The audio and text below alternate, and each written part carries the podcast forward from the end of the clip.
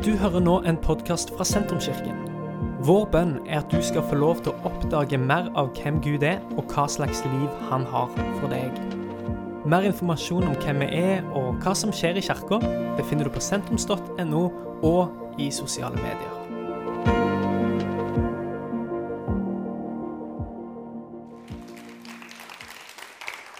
Vi skal fortsette eh, denne serien som vi har hatt om lang lydighet, og der vi går gjennom eh, salmene til festreisende. Eh, og hvis du har Bibelen med eller har eh, Bibelen på U-version, så kan du finne den fram på Salme 130. Kanskje har du lest den salmen hvis du følger heftet. Det vil jeg oppfordre alle til å gjøre. Det er å lese heftet. Det er jo verdens enkleste bibelleseplan. Du får ikke enklere bibelleseplan enn det. Én salme per uke. Eh, det klarer, det klarer til med de som ikke kan lese. Det, og det kan en lese for hverandre. Og der er det òg ei bønn som, er, som en kan be knytta til hver enkelt salme. Og vi skal se på Salme 130 i dag. Salme 130 den handler eh, om bl.a. Eh, den handler om flere ting, men den handler òg om håp. Og er det noe som mennesket trenger, så er det håp. Uten håp så Da, da, da blir vi deprimerte. Når det ikke er håp, da, eh, da Altså, håpløshet er et grusomt ord.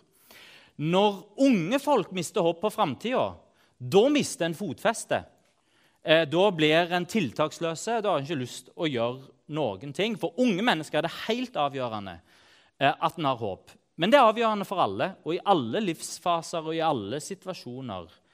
Eh, Evangeliesenteret som hjelper rusmisbrukere, og som var på besøk her for noen uker siden, de har et slagord som jeg syns er helt fantastisk. Slagordet deres er det noen som vekker det. Ennå er det håp. Eh, og de som Evangeliesenteret møter på, det er rusmisbrukere som kanskje har vært på avrusning ti ganger før og falt tilbake igjen i rus. Er, de, får inn, eh, de, får inn, folk som, som systemet har gitt opp. Eh, som, som, som, systemet ikke lenger vil betale for inn i Evangeliesenteret. Fordi det er håpløse tilfeller. En har prøvd så mange ganger at en har gitt opp. Og uansett hvem det mennesket er som kommer til Evangeliesenteret, så er der, og Evangeliesenteret, det som en hører med organisasjonen, det er at evangeliet er i sentrum for den virksomheten. En tror på at Jesus kan gi et nytt liv. Så er overskrifta 'Ennå er det håp'. Med andre ord, det fins ikke håpløse mennesker. Det fins ikke håpløse situasjoner fordi vi har å gjøre med Han som er håpet. Eh, og Tradisjonelt så er symbolet for, eh, eh, for håp Det kristne symbolet for håp det er det som du ofte finner på, på skulderen til gamle sjømenn. Det er et anker. Det, det har vi òg hengende der. Og hvorfor er håpet, det kristne symbolet for håp hvorfor er det anker? Når en ferdes på sjøen, så, eh, så, kan det bli urolig. Altså, når sjøen er helt blikkstille, da, er det, er det greit nok. Men til og med når sjøen er blikkstille, så vil det kanskje være undervannsstrømmer. Så når båten ligger i ro, så vil den kanskje drive med strømmen. Eh, og i en storm så er, eh, da, da er det ikke alltid du har kontroll over båten. Eh, den kan bli kasta av bølgene mot det stedet som du absolutt ikke har lyst at båten skal havne. Eh, og da trenger en et, et heftig anker.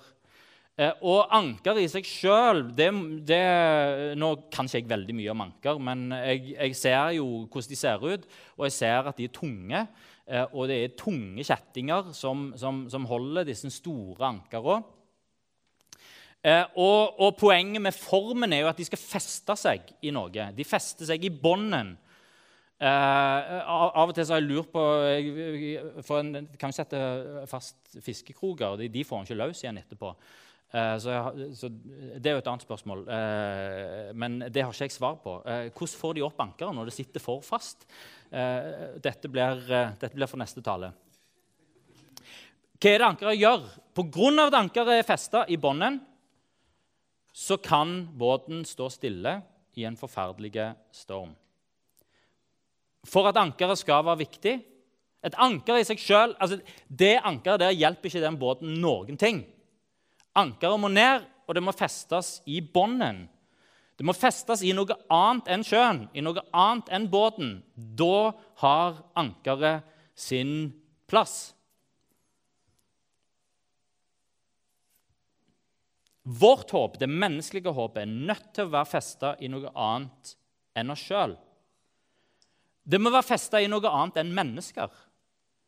Eh, det må være festa i noe annet enn menneskelige institusjoner. Det er noe som vi bør tenke på her i Norge. Fordi at vi har en velferdsstat som fungerer så bra at ofte så er det sånn at vi setter vårt håp til velferdsstaten. Det er bare å lese aviser. Å, se på denne fæle situasjonen. Noen må fikse dette, og det er jo gjerne staten som må fikse det. Og se på denne situasjonen her. Oi, nå er det enda noe som har dukket opp. Det må staten. Og så setter vi vårt håp til staten igjen og igjen. Eh, en menneskelig institusjon, men det er litt som å ha, eh, det er litt som å ha ankeret hengende eh, i vannet. Ok, tungt, solid anker kanskje det, kan det gi noe hjelp, men må være festa i noe annet. Det kristne håpet er festa i Jesus. Det er festa i oppstandelsen. Det er festa i evigheten. Det er at det, eh, det kristne ankeret er festa i at Jesus vant den evige seier mot døden. Det er festa i at Jesus er kongenes konge, og han er herrenes herre. Og Paulus skriver det at det er tre ting som blir stående for alltid. Og Det er tro, og det er håp, og det er kjærlighet. Evige ting som aldri forsvinner. Og det gjør det kristne håpet så sterkt. Livets stormer de kan være brutale. Det, en trenger ikke alltid å leve så lenge for å finne ut det. Men den som lever lenge nok, vil oppdage før eller seinere at det kommer stormer. Livet er urettferdig. Det skjer fæle ting. Det skjer urettferdige ting. Eh, det skjer lidelse. Eh, og da trenger en håp. Og da trenger en et anker. Og for at anker skal stå stødig, så må det være festa i noe annet enn oss sjøl. Vi må være festa i Gud. Og vi skal lese Salme 130. Hvis du har funnet den fram, så kan du følge med der, eller så kan du se på skjermen òg. Og ja, nå har jeg med meg eh, Jeg har med meg feil oversettelse. Da leser jeg herifra. Fra, fra dypet roper jeg til deg, Herre. Herre, hør min røst. Vend øret til mitt rop om nåde. Dersom du, Herre, vil gjemme på synder, Herre, hvem kan da bli stående? Men hos deg er tilgivelse, som jeg skal frykte deg. Jeg setter mitt håp til Herren. Jeg lengter, jeg venter på Hans ord. Min sjel venter på Herren mer enn vektere på morgenen. På morgen. Altså vektere på morgenen en gang til, så er det viktig det med vektere på morgenen. Vent på Herren Israel, for hos Herren er miskunn og kraft til å løse ut. Han skal løse Israel ut fra alle deres synder. Det første som vi ser i denne salmen, her, er at salmisten roper ut ifra dypet. Så der er fortvilelse i det ropet. Og vi vet ikke helt hvor den fortvilelsen kommer fra, men den kommer fra en eller annen form for lidelse. Eh, kanskje er det Eh, kanskje er det en sånn eksistensiell lidelse, eh, som, lidelse som kommer fra innsida. At en er tynga av skyld, en er tynga av skam, en er tynga av synd. Eh, og så roper en ut til Gud for, på grunn av det. Eller så er det en fysisk lidelse. At en har det vondt, at det er urettferdighet, at ting ikke har gått den veien som en tenkte. Eh, og mest Og lidelse er noe av det mest menneskelige som fins. Eh, Og Eugene Petersen han, han det, det måtte jeg tygge litt på. Han mener at lidelse er en av de store forskjellene, en av forskjellene mellom dyr og mennesker. At eh, dyr kjenner smerte, men de har ikke en selvbevissthet som gjør at en kan tenke på smerten sin som noe annet enn smerte. Den er irriterende, den er vond, den er der, den går ikke vekk. Men, men, eh, men den er smerte. Mens vi som mennesker vi kjenner på smerte, og så reflekterer vi over smerten, og så sammenligner vi oss med de andre som kanskje ikke har smerte. Og så blir smerten vår til en form for lidelse, eh, der en tenker dette var urettferdig, dette var ikke sånn det skulle være. Og så plages en av han. Og hva trenger et menneske som lider? Mennesket som lider, trenger håp. Og Salme 130 er skrevet av et lidende menneske som roper til Gud ifra dypet, som roper fra smerte. Og Eugene Petersen han sier at ved å være åpen om smerte og kle den i bønn, så gir salmen verdighet til lidelse. Jeg skal lese det en gang til. Med å være åpen om smerte og kle den i bønn, så gir salmen verdighet til lidelse. Verdighet til lidelse. Går det an å lide med verdighet? Det er vanskelig i vårt samfunn. For vi skal være lykkelige, og vi skal være sunne, og vi skal være tilpass, og vi skal helst være suksessrike. Eh, og det gjør jo at når en treffer på lidelse, så blir det vanskelig. Fordi det er på en måte ikke et språk for dette, det er ikke et rammeverk for at det skal skje. For det burde jo ikke være sånn. Du burde jo være lykkelig, sunn, frisk, rask og tilpass og ha alt sånn som eh, sånn, Og at alt burde være sånn som det burde være. Og Det gjør at vi kanskje ikke alltid vet hvordan vi skal takle lidelse, og heller ikke vet helt hvordan en skal møte andre som går gjennom lidelse. Spørsmålet, og Dette spørsmålet her er det mange som har stilt seg. Hvordan kan det være en god Gud i verden når det er så mye lidelse? Hvordan kan Gud finnes når det er så mye lidelse i verden? Eh, utfordringen med det spørsmålet er at spørsmålsstilleren sjelden er et menneske som lider. Så når en, liksom, når en sitter på, eh, på, på toppen av livet, og en har hatt suksess, og en har pengene en trenger, en har maten en trenger, og en er med sunn helse, og livet er godt. Og Så ser en at det er mennesker som lider, og så spør en akkurat dette spørsmålet her. Hvordan kan det være lidelse i verden? Hvordan kan Gud finnes når det er så mye lidelse i verden? Um, det er et filosofisk spørsmål som passer for den som har alt på plass. Mens det mennesket som sjøl lider, gjør som salmisten. En roper ut til Gud ifra dypet av seg sjøl og sier, 'Gud, jeg trenger deg. Jeg trenger noe utenfor meg sjøl. Jeg trenger noe som er fast. Jeg trenger håp.'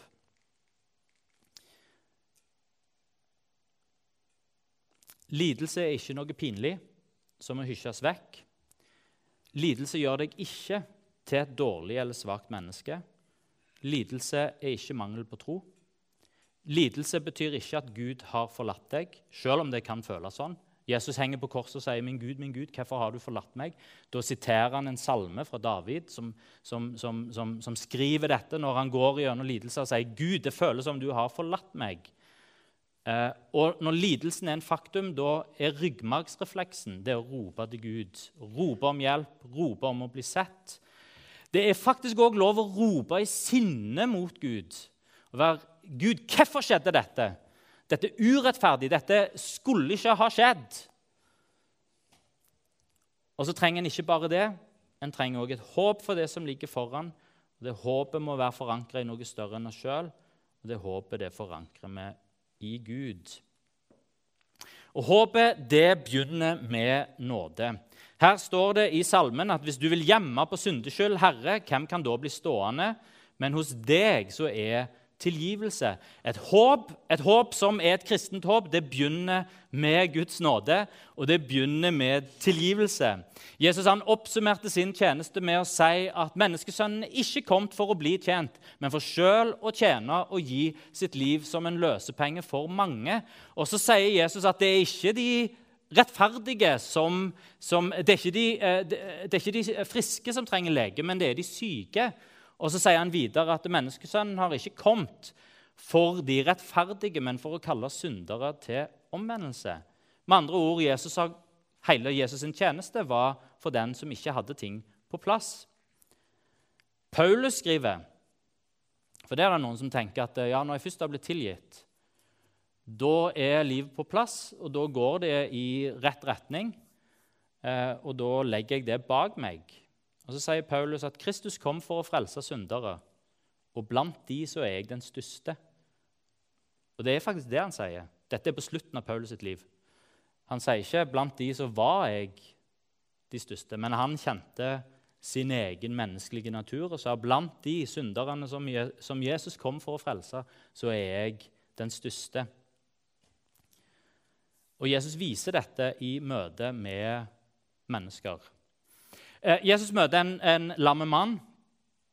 Og, og, I Jesus' sin tjeneste det er bare å lese evangeliene, så ser du at det er det som skjer.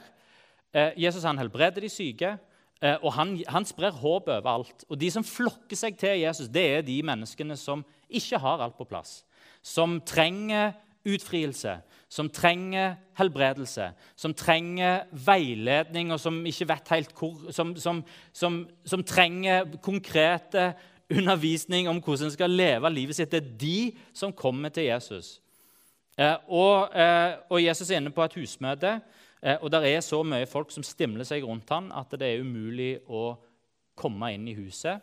Og så er det en lam mann som gjerne har lyst til å komme der Jesus er, som har hørt at Jesus helbreder syke. Kanskje han kan helbrede meg òg. Og så får han vennene sine til å ta han opp på taket. Eh, og så lager de et eh, Det hadde jo vært en interessant situasjon eh, i dag. Noen faktisk lagde et reelt hull i taket, firte den lamme mannen ned for at han skulle komme i kontakt med Jesus, for det deres tro var hvis han får treffe Jesus, så blir han helbreda. Jesus han berømmer deres tro. Eh, og troen den er òg en handling, og den gir seg utslag i det som vi gjør. Men det neste som Jesus gjør når den lamme mannen blir firt ned foran han, eh, og han har kraft til å helbrede, han vet at det er det som den lamme mannen trenger, så er det ikke det han gjør. Men han sier eh, dine synder er deg tilgitt. Det, sånn, det gir på en måte ikke mening. Hvorfor skal han begynne å snakke om synder når det er helt åpenbart at det som mannen trenger altså Du adresserer syndene. Det er helt åpenbart at det mannen trenger, er å få kraft i beina sine eh, og, eh, eh, og få begynne å gå. Og Fariseerne liker jo ikke det, liker ikke det Jesus gjør, uansett hva han gjør. for noe, Så da begynner de å mumle om at ingen andre kan tilgi synd enn Gud. Og det er jo sant. Ingen andre enn Gud kan tilgi synd. Men Jesus er Guds sønn og han kan tilgi synd. Og Så ser han forbi den ytre lidelsen som sitter i beina, og så ser han inn på den indre lidelsen, den som fins der inne. Ser rett inn i den lamme mannen sitt hjerte. Og Hva ser han der for noe? Kanskje ser han bitterhet. Veldig lett å bli bitter når eh, livet ikke går sånn som det skulle gå. Kanskje ser han hat. Eh, eller kanskje misunnelse på alle de andre som ikke er lamme. Og hvorfor skal jeg være lamme, og hva alle de andre skal ha det så enkelt? Og den type misunnelse som det er, den går fort over til hat og forakt av de andre. Bitterhet og hat det spiser et menneske opp ifra innsida. Det, det hjelper ikke da om at situasjonen på utsida endrer seg. For det er bitterhet og hat vil ødelegge for oss. Eh, og utilgivelighet og misunnelse. Det ødelegger for oss uansett hvor situasjonen vår er. Og Så ser Jesus inn i, rett inn i hans menneskehjerte og så sier han, 'Min sønn, dine synder er deg tilgitt.' Og Så gir han hjelp der det trengs mest. Han ga tilgivelse og nåde. Og, og den lamme mannen sitt håp begynte med akkurat dette, med å få nåde fra Gud. Så sier Jesus til den lamme mannen, reis deg, ta båra di og gå.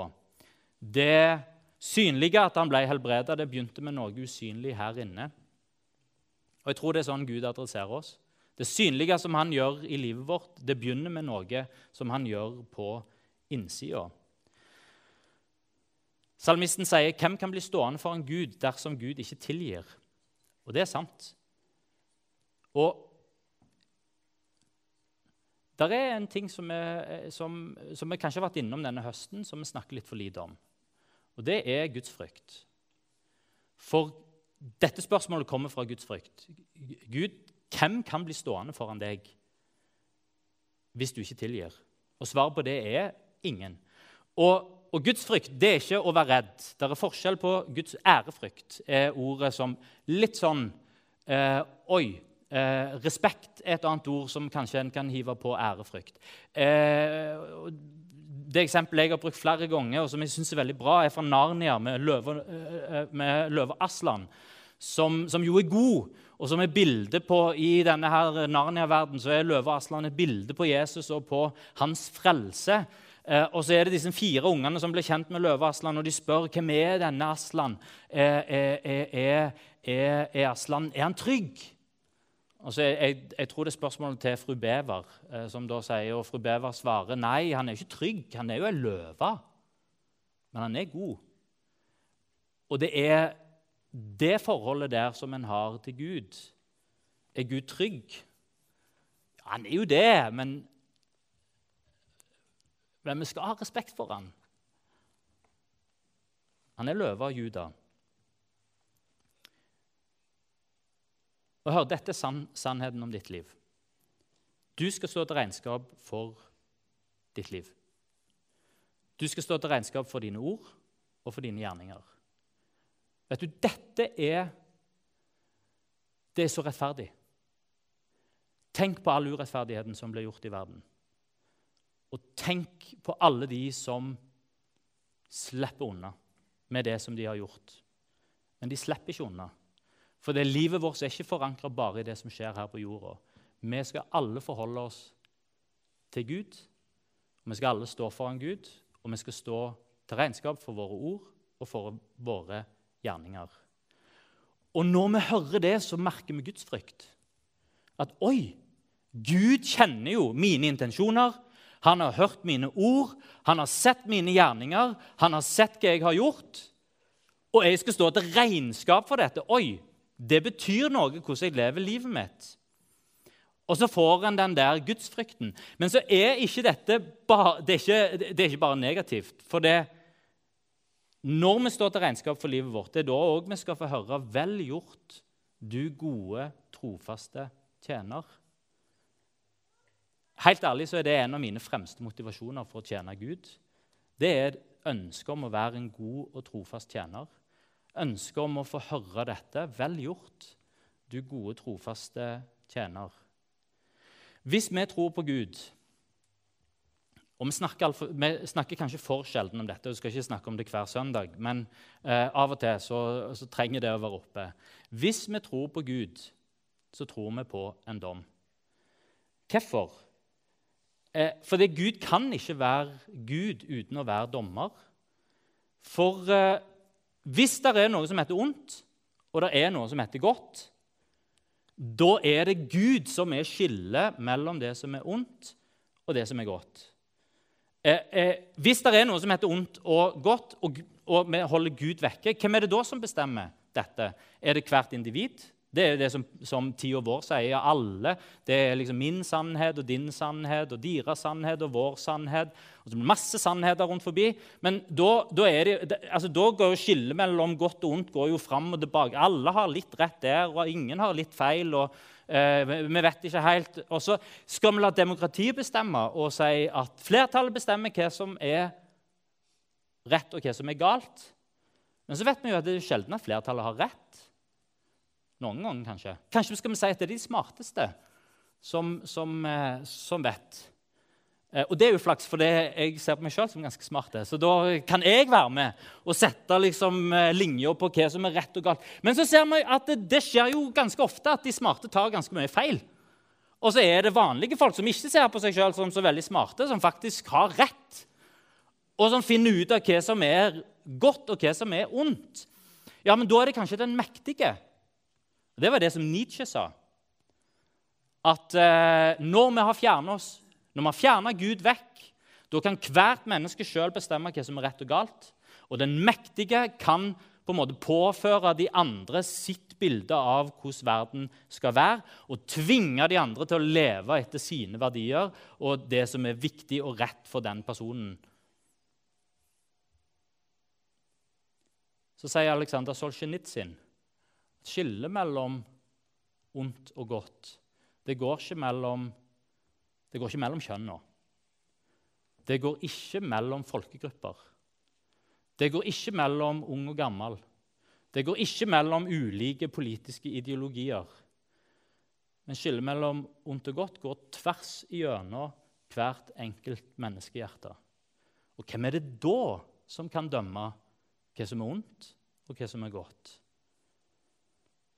Det er det kun Gud som kan gjøre. Og Skapelsesberetningen sier at Gud skilte mørket fra lyset. Bibelen forteller oss at hans ord er som et tveegget sverd som skjærer gjennom og, kløyv, og kløyver eh, på en måte eh, vårt, eh, hjertet vårt, våre intensjoner, det som fins på innsida han er den som dømmer hjertets tanker og råd. Og Jesus sier at han skal dømme oss etter våre handlinger og etter våre ord. Nå, nå blir det enda litt verre før det blir bedre. Paulus sier at til og med de som ikke har hørt hans ord, har ikke unnskyldning. De unngår heller ikke Guds dom. Hvorfor? Fordi det ordet som sier noe om hva som er rett og galt, det har Gud faktisk lagt ned i deres hjerter, inn i samvittigheten. Derfor så finner du over hele verden mennesker som lever gudfryktig, og som prøver å leve i henhold til sin samvittighet, som forteller dem om rett og galt. Samvittighet det er Guds ord om rett og galt i hjertet. Så det betyr at gjerningene våre skal dømmes. Paulus sier at den dommen er som at livet vårt blir satt fyr på. Og nå ble det enda litt verre. eh, og at eh, det som er av halm og strå og brennbart materiale, det brenner opp. Men det som er av edelsteiner, gull og sølv, det blir stående. Så skal vi huske på at Paulus sier at det er tre ting som blir stående for alltid. Og det er tro, og håp og kjærlighet. Hver ting som er gjort i kjærlighet, hver ting som er gjort i håp til Gud, hver ting som er gjort i, tro, eh, i troskap mot Hans ord, de tingene der, det, det blir stående. Det er ikke brennbart materiale. Det som er gjort ut av e, egoisme, det som er gjort ut av med tanke på egen nytelse, det som er gjort meg, meg, meg, meg, med meg i sentrum, det brenner opp. Og så blir det skikkelig gale, og så sier Paulus men en skal bli frelst som gjennom ild. Fordi at Guds tilgivelse den kan vi alltid stole på. Den som roper til Han, og det er det salmen sier, fra dypet 'Tilgi meg', den får tilgivelse. Det blir som røveren som hang ved siden av Jesus på korset. Han sa til Jesus, 'Tenk på meg når du kommer i paradis.' Jesus snudde. Eh, 'Tenk på meg når du kommer i ditt rike.' Og Jesus snur seg til han og sier, 'I dag skal du bli med meg i paradis'. Han har ikke gjort noe annet enn å si, 'Tenk på meg'. Snudde seg til Jesus i sin desperasjon og i sin nød. Nåden Håpet begynner med nåde og med tilgivelse. Og så venter håpet som vaktmann på morgenen.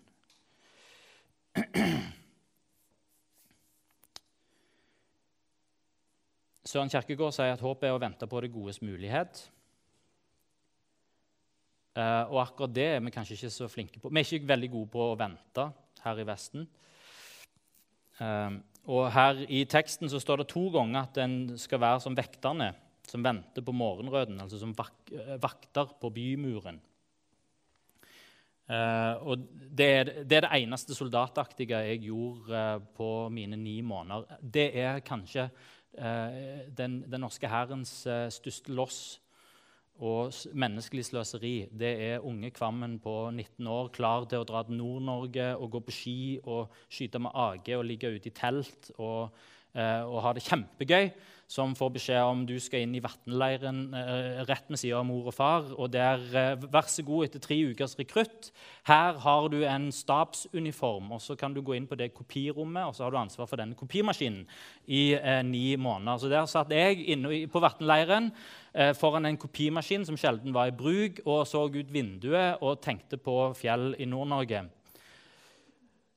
Men en ting som vi fikk gjort, da, det var å, det var å gå på vakt. Eh, stå vakt utenfor vatnleiren. Kan du tenke deg noe mer spennende enn det? Om natta. Eh, det mest spennende som skjedde, var at eh, der eh, kjørte en bil forbi klokka tre. Wow!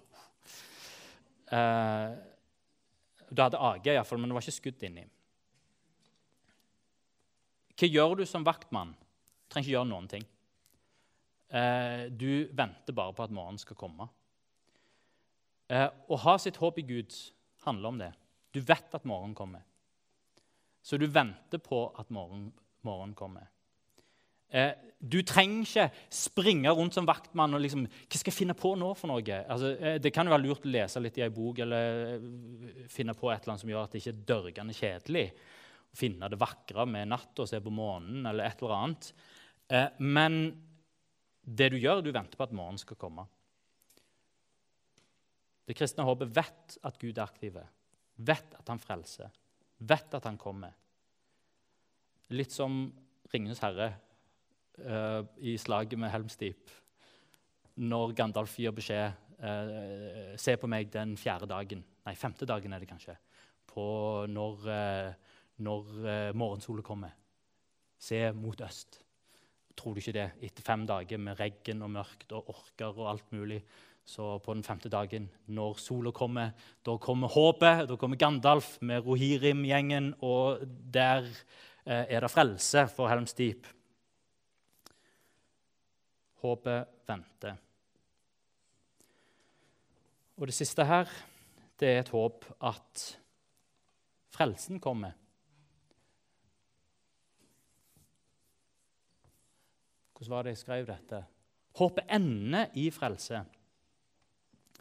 Her i, skrift, her i, uh, i salmen så står det 'forløsning', et ord som vi sjelden bruker lenger. Det handler om å bli satt fri. Det handler om å bli løst fra det som binder, det som trykker deg, det som tynger ned, som har makt over deg. Det gjelder både åndelig, sjelelig og kroppslig. Uh, og Israelsfolket de venta på Israels forløsning, på at Gud skulle gi dem frihet, en frelse for alle. Men så kan òg en, en enkeltperson vente på Guds forløsning for mitt liv at Gud skal gi meg frihet.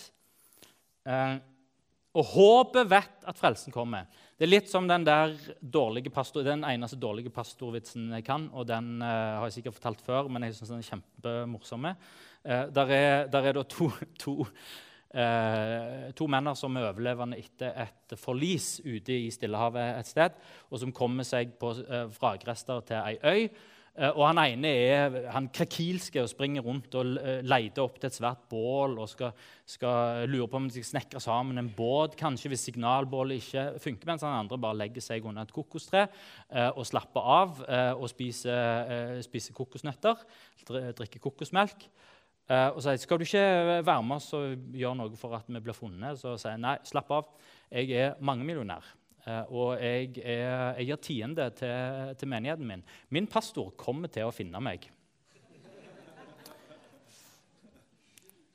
Det er håp at forløsningen kommer.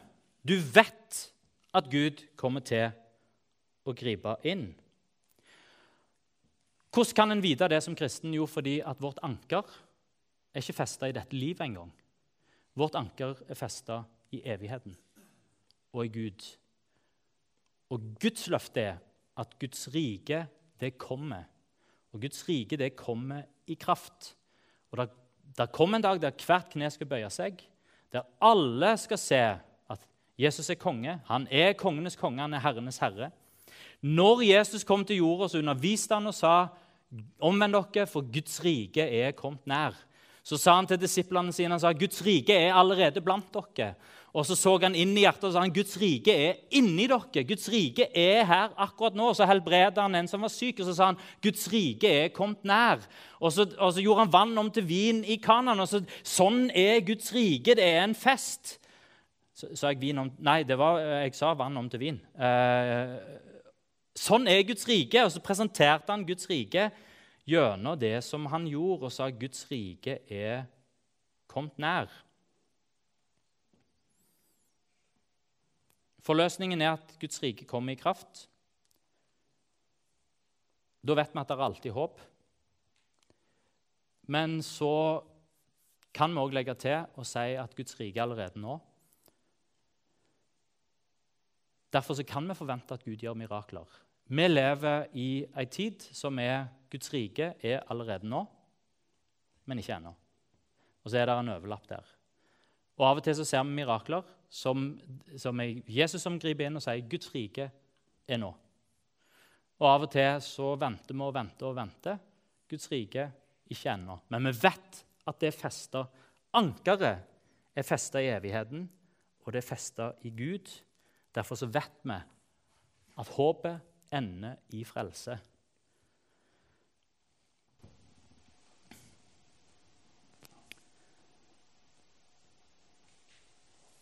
Det fins helbredelse for din sykdom. Det fins forsørgelse for ditt økonomiske problem. Det fins utfrielse ifra depresjon. Det fins orden og fred inn i kaos. Det fins forsoning der det er splittelse. Guds rike er nå, og det er kommet i kraft. Og den som venter, kan òg oppleve frelse nå. Magnus, hvis du kunne kommet opp til slutt. Vi kan godt reise oss. Dette er slutten på denne podkastepisoden.